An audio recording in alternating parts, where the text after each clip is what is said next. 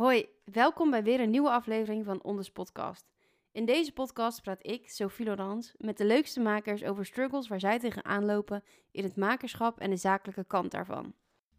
Heb je een probleem? Bel Sophie meteen. Lukt het even niet? Mail naar Bureau Beat voor al je socials, boekingen, marketingplan. Wil je je fanbase uitbreiden? Luister nu dan de Onders Podcast. Vandaag zit er weer een hele leuke gast bij mij aan tafel. Jori van Gemert, beter bekend als Cloud Cuckoo. Jori is zangeres en songwriter en maakt muziek die ze zelf heel mooi omschrijft als dansbare depressie. Op dit moment toert ze met haar band door Nederland met de popronde. En de kans is heel groot dat je haar, haar glitterjurk en haar bellenblaaspistool voorbij ziet komen, want ze is heel erg vaak geboekt. In deze aflevering hebben we het over haar nummer Alice, wat ineens gebruikt werd in een van de grootste tv-programma's in Duitsland.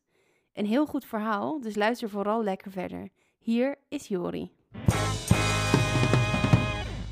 Hoi Jori, welkom bij de. Onders podcast. Echt superleuk dat je hier bent. En we gaan het vandaag ook over een eh, bijzonder verhaal hebben. De mensen die jou volgen op Instagram, die hebben het misschien wel voorbij zien komen. Maar eind mei is, eh, iets, is er iets heel cools gebeurd eh, met een van jouw liedjes. Daar eh, kan je misschien zelf even wat meer over vertellen.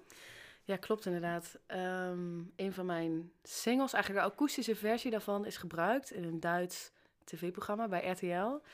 Ehm, bij Let's Dance. Dus dat, ja, ik dacht eigenlijk van hè, Let's Dance, Nederland, ja, we kennen dat wel. Hmm. Ehm, maar in Duitsland is dat natuurlijk nog veel groter dan Nederland. En dat was echt zo'n primetime programma waarbij de winnende finale dans op mijn liedje werd gedaan.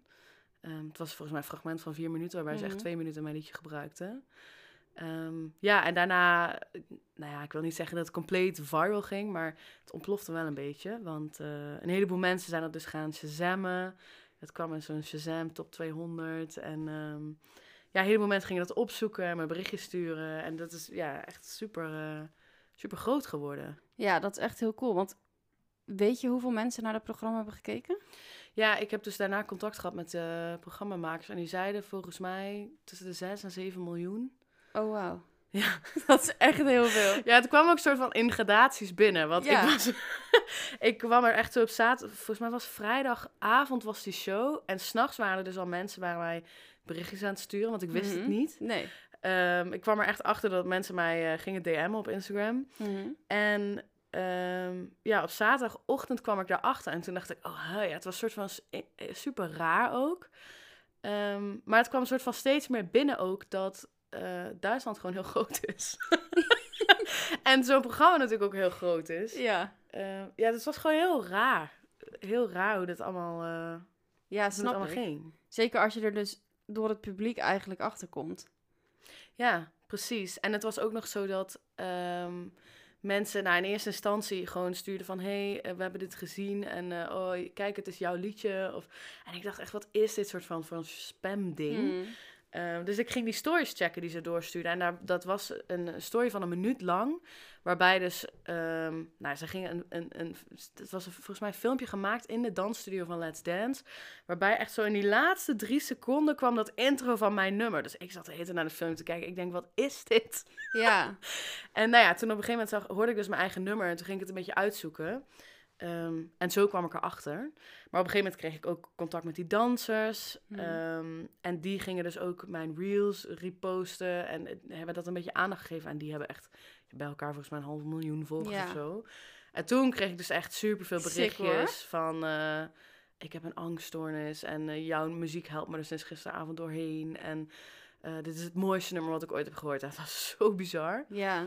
Echt insane. Ja, echt inderdaad insane. Ja. Dat, ja, ik zat ook te denken van, heb je uiteindelijk nog gehoord hoe ze bij jouw nummer kwamen? Want je wist het natuurlijk niet. En ik dacht, misschien heeft het, er- want je- ja, dat weet de luisteraar natuurlijk niet, maar je hebt ook in Berlijn gewoond. Ja, Dus ik dacht, heeft het daar misschien iets mee te maken dat je een soort van, zonder dat je het wist, connecties had bij de tv? ja of... ik dacht dat inderdaad wel. Van, ik ben een tijdje radar artist geweest in Duitsland. Wat ja, bij Flux FM, wat een soort van de Duitse kink is. Oh, leuk. Ehm, dus ik dacht, oh, dat is via daar gekomen. Ehm, maar dat was dus niet zo. Ze hebben het gewoon echt gevonden op YouTube. En het, het thema van die dans was Alice in Wonderland. Mhm.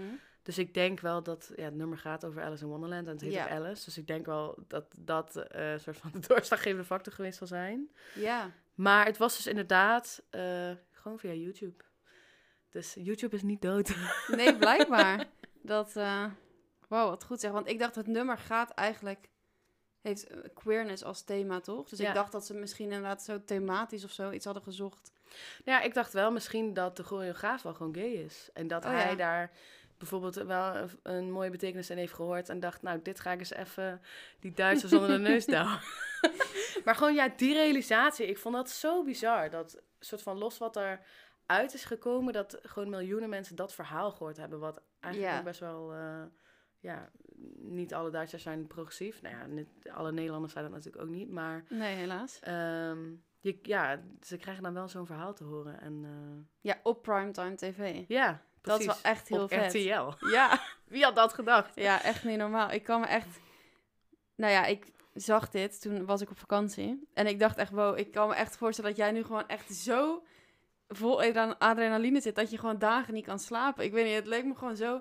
Er gebeurde ook zoveel, zag ik op jouw stories. Echt Ja. allemaal, eh, allemaal berichten zag ik eh, van mensen die jou gewoon gingen DM'en inderdaad met hele levensverhalen. En, maar, Ja. en eh, gewoon heel veel stories die mensen maakten. En echt heel veel support. En ik, ik zat ook een beetje te kijken, maar ik zag dat je ook er meteen best wel veel volgers bij kreeg. En, volgens, en natuurlijk ook heel veel streams. Ja.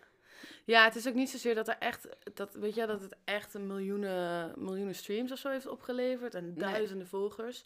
Maar wel, ik heb wel echt het gevoel dat het heel veel deuren heeft geopend. En ehm, ja, om terug te komen wat je zei over die adrenaline, ik heb dat ook wel heel erg gevoeld, want je wordt meteen echt in zo'n molen meegenomen.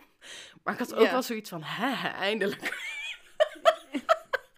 Ja, ja, een soort van, ik had er wel, ook ja. wel een soort van berusting in, dat ik denk van, nou, weet je wel, er mag wel een keer iets, zoiets gebeuren of zo. Ja, nou ja, dat snap ik wel. Ik bedoel, je, je doet dit natuurlijk al heel lang.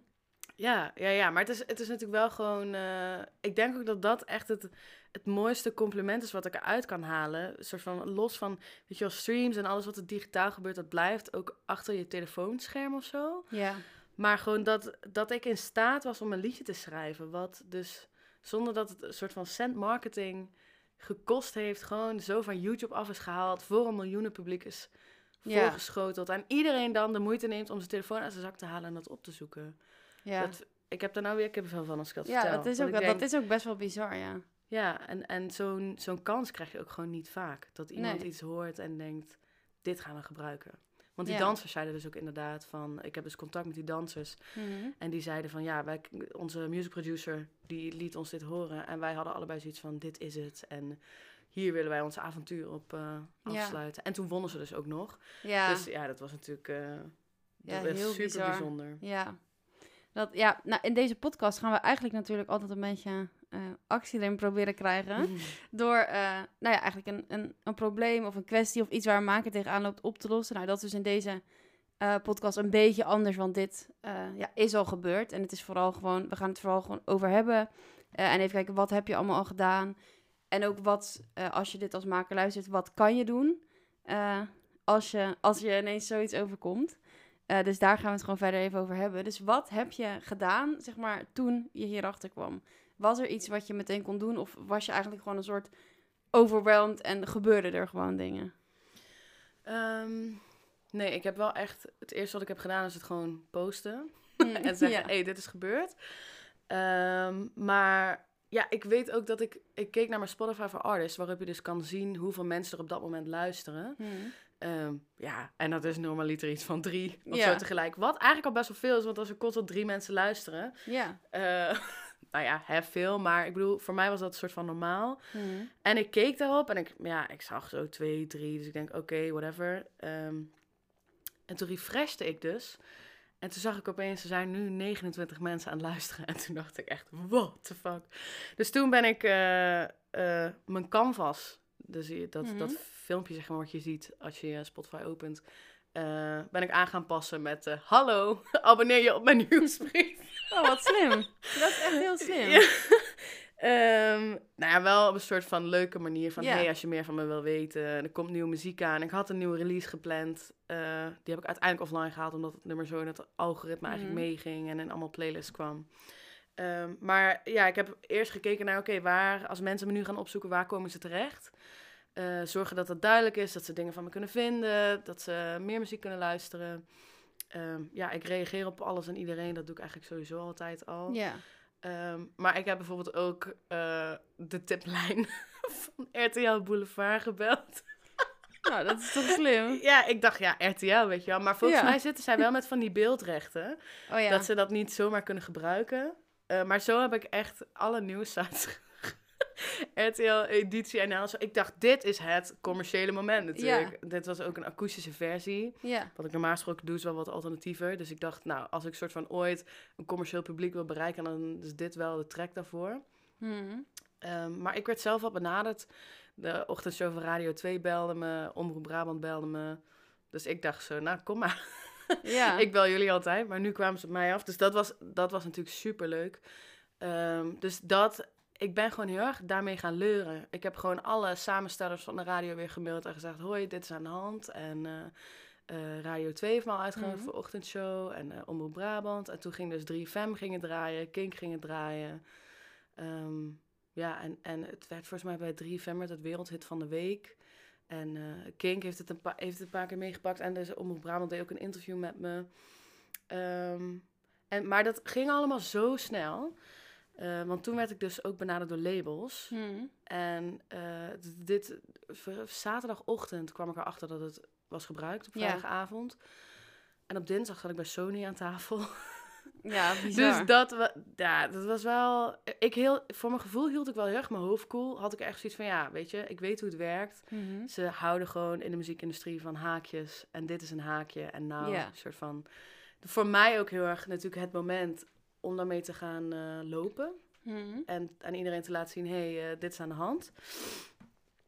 Ehm, maar uiteindelijk is het ook gewoon ja, momentum en nieuwswaarde. En ben ik me er wel heel erg van bewust geweest dat het ook weer weg zou gaan. Dus ik heb Ja. vooral gekeken naar hoe kan ik dat zo lang mogelijk ja, rekken. Ehm, dus toen heb ik ook contact opgenomen met iemand van een ander label. En eh, gevraagd van, joh, hoe kan ik nou dat algoritme blijven voeden? En die zei, ga TikToks maken. Ik dacht, oh nee. En heb je het gedaan? Ja. ja, maar wel... eh, nou, ik heb er nou twee gemaakt. Dus Ja. ik ben ook niet soort van helemaal in die TikTok-game gedoken. Maar ik dacht wel van, ja, weet je... Als die audio een beetje trending is op, op Spotify... en, en op Shazam gaat die goed... dan bereikt je Reel op... of je, je TikTok bereikt automatisch ook weer meer mensen. Ja. Eh, dus dat soort dingen ben ik wel gaan doen. Ehm, en ik heb dus contact gezocht met de dansers. Ik heb iedereen van RTL gemaild. Eh, ik bel komende week nog met de music producer... die dus uiteindelijk dat nummer heeft Ja. uitgekozen. Dus zo, ja, zo is er eigenlijk een heleboel gebeurd. Ehm, en ik heb gewoon vooral geprobeerd dat momentum wat er op dat moment was aan te pakken. En ja, er was bijvoorbeeld ook een muzikantendag. Mhm. En ik was toen dus in contact met Warner en ehm, Sony. Ja. En ja, we hebben drie majors in Nederland. Dus de enige waar ik nog geen contact mee had, die zat toevallig op de muzikantendag. Dus ik ben daarheen gegaan, naar hem. En ik heb gezegd, hoezo hebben jullie mij nog niet gebeld? dus toen eh, ging Universal het ook een Ja. beetje uitzoeken van, eh, oh, wat is er aan de hand? En ehm, ja, dat zet me natuurlijk wel echt in een fijne positie om ook gewoon boekers en managements aan te kunnen spreken. Dus die Mhm. muzikantendag viel ook gewoon heel lekker op dat moment. ja. Ehm, Maar het is dus Ja. ook wel gewoon echt dat jij gewoon durft om dus op, al- nou ja, op, op een of andere labelbaas van Universal af te stappen en te zeggen, hallo, you're missing out, weet je wel. En ook gewoon dat je al die radiomensen, nou ja, dat heb jij natuurlijk sowieso heel erg, maar dat weet de luisteraar misschien niet. Maar dat jij gewoon echt dan zelf gewoon aan de telefoon gaat hangen met RTL Boulevard en zegt, zo, moeten jullie ze voor? ja. Nou, ik denk wel dat heel veel mensen dat echt niet durven. Dat, of tenminste, dat ze dan een beetje gaan zitten wachten als er dan zoiets gebeurt. En dan gaan kijken wat er gebeurt. En dan op een gegeven moment denken van, oh shit, misschien had ik zelf iemand moeten bellen. En dan is het alweer een week later. En dan denk je, oh, het momentum is nou alweer voorbij. ja. Maar jij gaat dan wel echt meteen vol, oké, ik ga ervoor. Ja. ja, dat klopt ook wel. Maar ik, vind het, ik denk dat is misschien ook wel een beetje het gevaar. Ik vind dat ook wel heel leuk. Het is uiteindelijk is het ook wel een beetje een spelletje of zo. En ja, weet je, is het ook bij de radio zo van, ja, als je naar die zender gaat en die draait je, dan ga je naar de andere zender. Dan zeg je, Dat ja, die draai je ja. al. Waarom Ja. draai jij me nog niet? Ja, dat, dat is zeker zo. Dat is natuurlijk ook gewoon met shows. Want dat zat ik ook te denken van, zijn hier, of komen hier, ja, als je er nog niks over mag zeggen, ook prima hoor. eh, komen hier ook shows uit voort. En dan dacht ik vooral misschien ook juist in Duitsland. Je speelt natuurlijk wel eens in Berlijn, want daar ben je heel vaak. Ja. Maar ik dacht, kan je niet een soort Duitsland-toertje doen eh, aan de hand hiervan? Ehm, ja, weet ik niet. Ik weet wel dat Let's Dance gaat toeren. Hm. Ehm, dus ik wilde eigenlijk wel ook aan die music producer vragen van... hey, kan ik niet gewoon een soort van mee op die tour? Ja. En dat nummer live zingen? Ja, Ehm, dat, dat, zou echt heel sick zijn. Want Ja. dat is waarschijnlijk echt in van die circus theater hierachtige dingen. Ja, precies. Ja, maar het valt, het valt ook in dezelfde periode als popronde. Oh ja. Dus ik weet het eerlijk gezegd niet zo goed. Kijk, in Duitsland sowieso niet echt. Er zijn wel Mhm. mensen die zeggen van... oh, kom je hier optreden? En dat is, dat is natuurlijk heel leuk. Maar ja.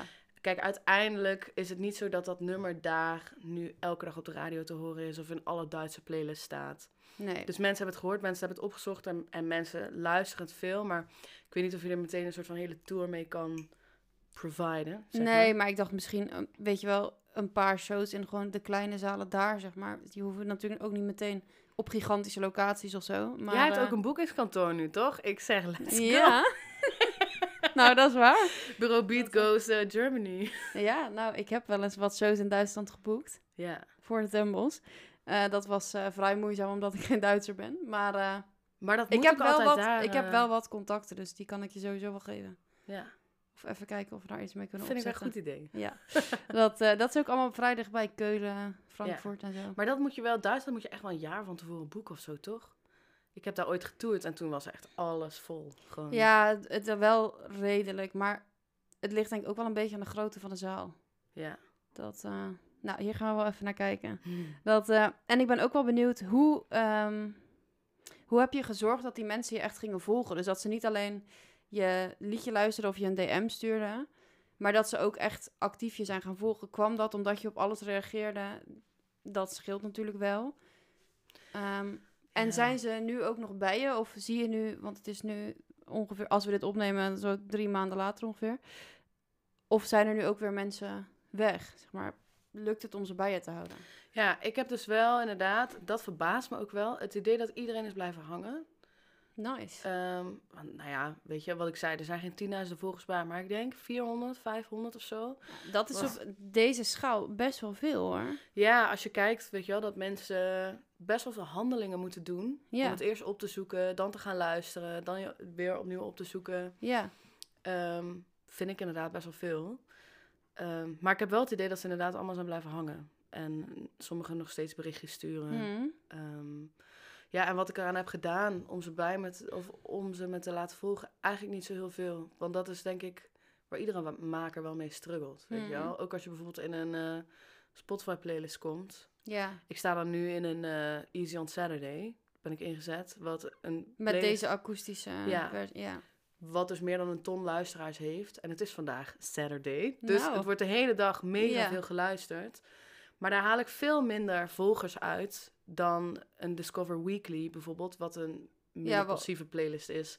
Of bijvoorbeeld mensen die het echt zelf gaan opzoeken. Ja. Ja, Want, dat is natuurlijk eh, ook logisch, want zo'n Easy on Saturday, dat, dat is ook echt Zo'n hele passieve playlist. Ja, en ook zo'n soort koffiehuisplaylist inderdaad, Ja. die mensen gewoon ergens opzetten in een hoek van de kamer, maar niet Ja, echt gaan opzoeken naar wie ze nou luisteren. Dat is meer, als ze zo'n playlist tien keer luisteren en een nummer dan bij ze blijft, dan gaan ze het misschien opzoeken, maar dat duurt natuurlijk relatief veel langer. Ja, eh, ja klopt maar je inderdaad. stond ook wel in veel Discover Weeklies en zo, toch? Je bent wel goed opgepakt door het algoritme eerst.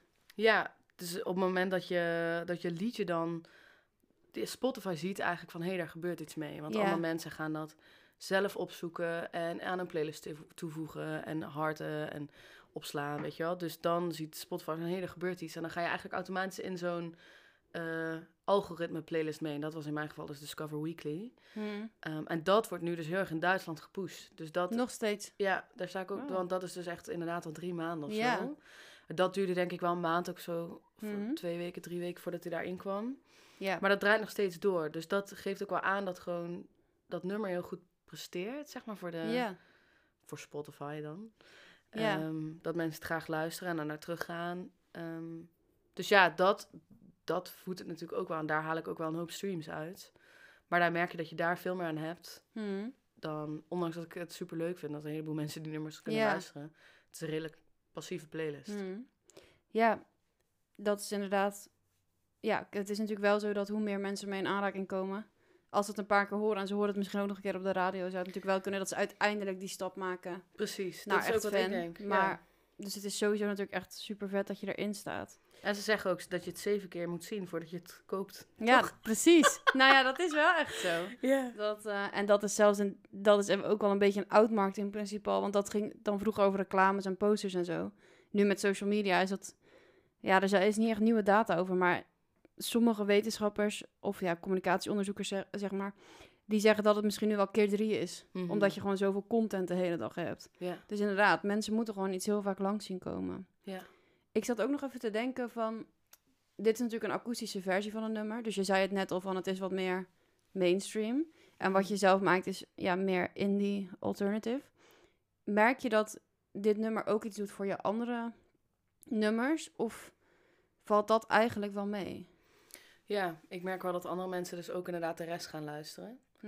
Ehm, zeker ook omdat Alice natuurlijk ook een originele versie heeft. Ja, Ehm, ik weet niet of we al hebben gezegd dat het liedje Alice heet. Volgens mij bij de Oh ja, aan het, be- aan het begin, ja, ja, ja.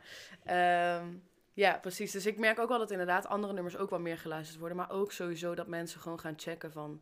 Hé, hey, er is iets van hype. Mhm, Dat vinden mensen natuurlijk... Ja, hype creëert hype, Ja. denk ik altijd. Zeker. Eh, dus dat mensen het sowieso gaan checken van wat maakt zij eigenlijk.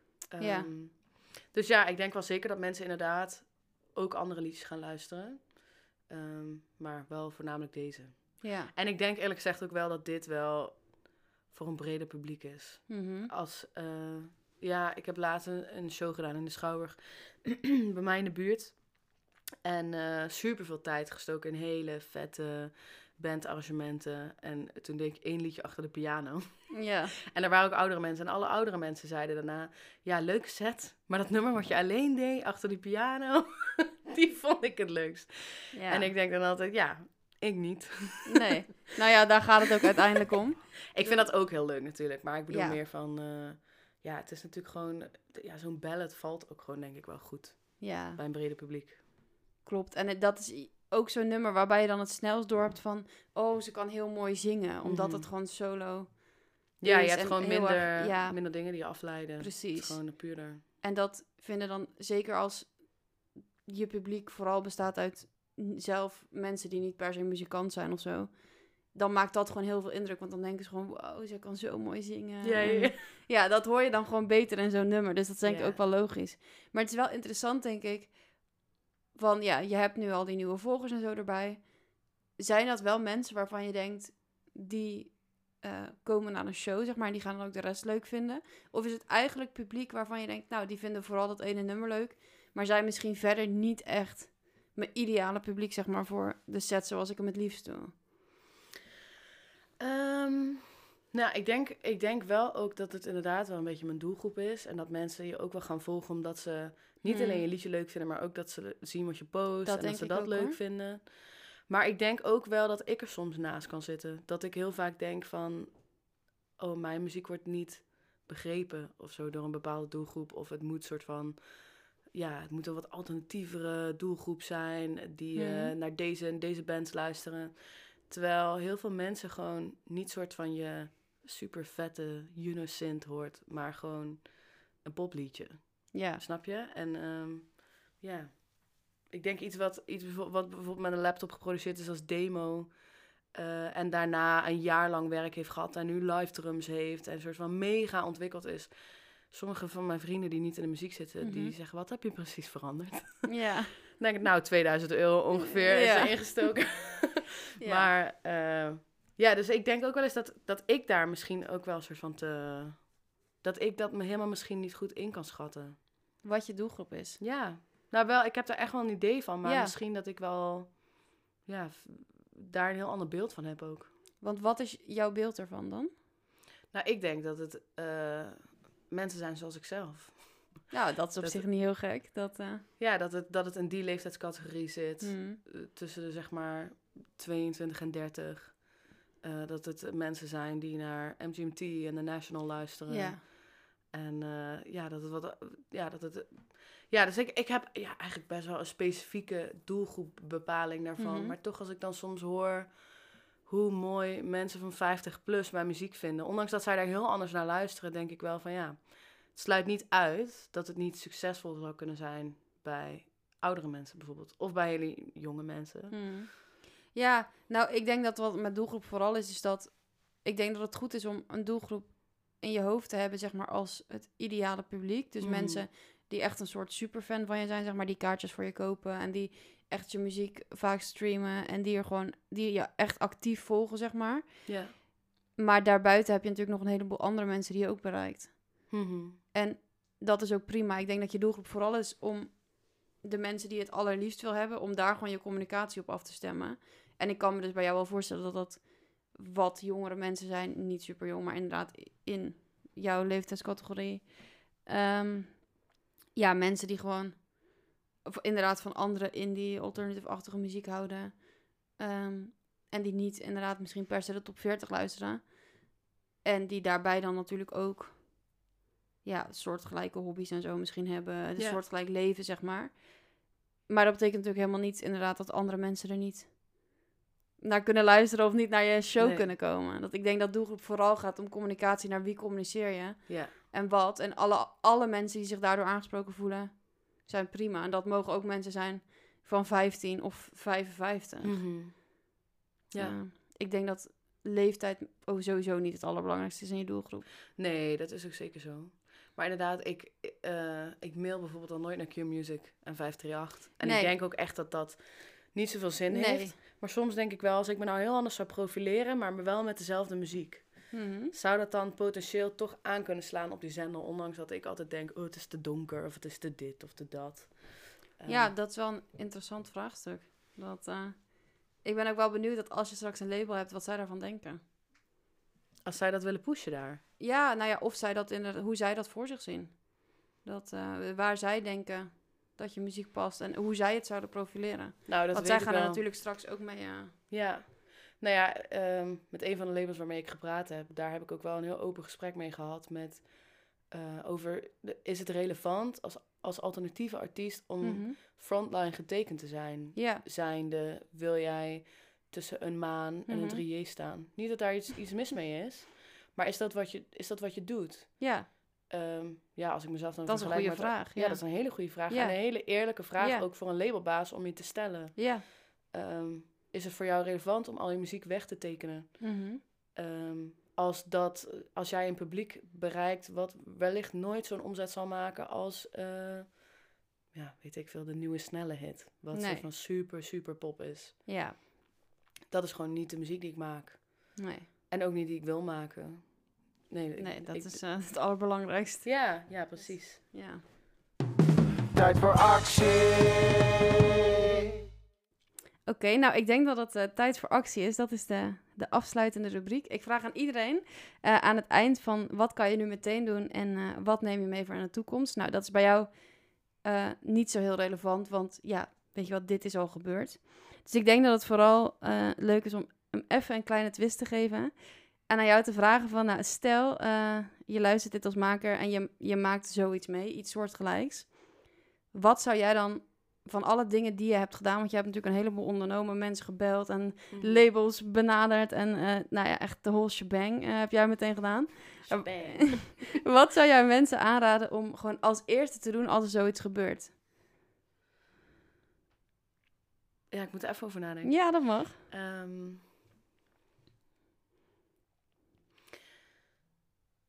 nou ja, ik denk sowieso gewoon stilstaan bij wat er gebeurt, want dat is gewoon al heel vet. En denk ik een eh, dikke vette veer in je reet. Ja. Natuurlijk, het is gewoon mega vet dat zoiets overkomt. Ehm, maar ik kijk wel altijd meteen naar de businesskant. Dat is ook wel een beetje mijn valkuil, denk ik. maar Ehm, het is ook heel goed. ja, ook wel goed, maar ik kan mezelf daar dus ook wel heel erg in verliezen. Ja. Ehm, wat ik denk ik anders had gedaan en wat ik wel meteen andere mensen als, als tip mee zou geven, is als je dan dat momentum hebt. Ik had Mhm. nu achteraf, ik heb er ook mega veel van geleerd, hè, maar eh, ik had er denk ik meteen een mediaplugger op gezet. Ja. Meteen gezegd, dit is aan de hand. Eh, ga, ga maar, eh, weet, je, weet ik veel, 500 eh, mensen. Mhm. Ga maar NRC, ga maar Trouw, Linda Meijden. Ja, in mijn geval dan. Maar ga Ja. maar iedereen benaderen en een soort van dat verhaal een beetje uitmelken. Daar waar ik nu dacht, oké, bij wie ga ik tekenen? Hoe lang gaat het duren? En dat heeft uiteindelijk, dat, die hele onderhandeling duurde zo lang. Dat ik Ja. uiteindelijk dacht, oh, ga ik er nou nog een mediaplug op zetten? En toen ging die op vakantie en toen dacht ik, ja, nou, Ja, is wel een beetje, jij dat kost een hoop geld. Ja, precies. Want jij hoopte dat het label misschien die mediaplugger zou... eh, dat die dat zou overnemen. Ja, dat Dus was ook, dat was ook het idee ja, inderdaad. precies. Dus op een gegeven moment dacht ik, oké, ik ga het gewoon independent doen in de tussentijd. Ja, dus eigenlijk zeg je, doe dat gewoon meteen en dan...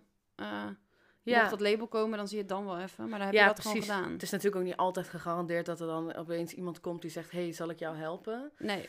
Ehm, maar dat, dat is wat ik anders had gedaan. Maar ik denk vooral gewoon, ehm, ja, pak dat momentum inderdaad en, en stuur het rond. En laat gewoon, laat mensen weten dat dit aan de hand is. Ja, schreeuw het van de daken. Ja, precies. Maar vergeet daar ook niet van te genieten. Ik denk dat ik zo bezig was ook wel gewoon met eh, mijn hoofd koel houden. En ja, Ja. dat, eh, ja, het, het- het- ja, ik weet niet, het gebeurt ook achter een scherm allemaal. Mhm. Een vriendin zei ook tegen mij, het is nu waarschijnlijk heel anders als al deze mensen nou opeens voor je zouden staan. Dan pas opeens zou je realiseren wat er allemaal, Ja, wat er allemaal is gebeurd. Ehm, wat een wijsheid. ja, wat een wijsheid. Ja. nou, Jori, echt super bedankt. Ik denk dat mensen het heel, eh andere makers het heel leuk vonden om dit eh, van jou te horen en een keer te horen hoe zoiets gaat. Want ik, nou ja, ik denk dat als je zoiets ziet gebeuren op Instagram, dat je echt denkt, what the fuck, hoe dan? Mhm. Eh, dus echt heel leuk dat je dit hier wou vertellen. En eh, Dank je Nou, wel dat ik het mocht vertellen. ja, tuurlijk, ik weet zeker dat we nog heel veel van jou gaan horen. En eh dankjewel. Thanks, dankjewel. Veel succes met de podcast. Dankjewel. Ben je nou benieuwd geworden naar Cloud Cuckoo? Snap ik helemaal. Je kunt Jori en haar band dus door heel Nederland zien met de popronde en dat raad ik je enorm aan. Daarnaast is Jori's debuut-EP deze maand verschenen, genaamd Hell Forgotten Dream. Haar EP staat vol met prachtige, herkenbare liedjes en een linkje vind je natuurlijk in de show notes. Stream more zou ik echt doen. Dat was onze podcast voor deze keer. Vond je dit nou een leuke aflevering en kan je ook op weg met mijn tips? Vergeet je dan niet te abonneren, dan verschijnt de volgende aflevering automatisch op je feed. En als je echt geen genoeg kan krijgen, volg me dan op Instagram. Op @bureaubeat krijg je elke werkdag de beste tips om het helemaal te gaan maken als maker. En vond je dit nou echt heel leuk? Dan maak je me heel erg blij als je 5 sterren achterlaat hier op Spotify. Dan helpt het algoritme de podcast op weg en kunnen nog meer makers mij vinden. Dankjewel en tot over twee weken. De.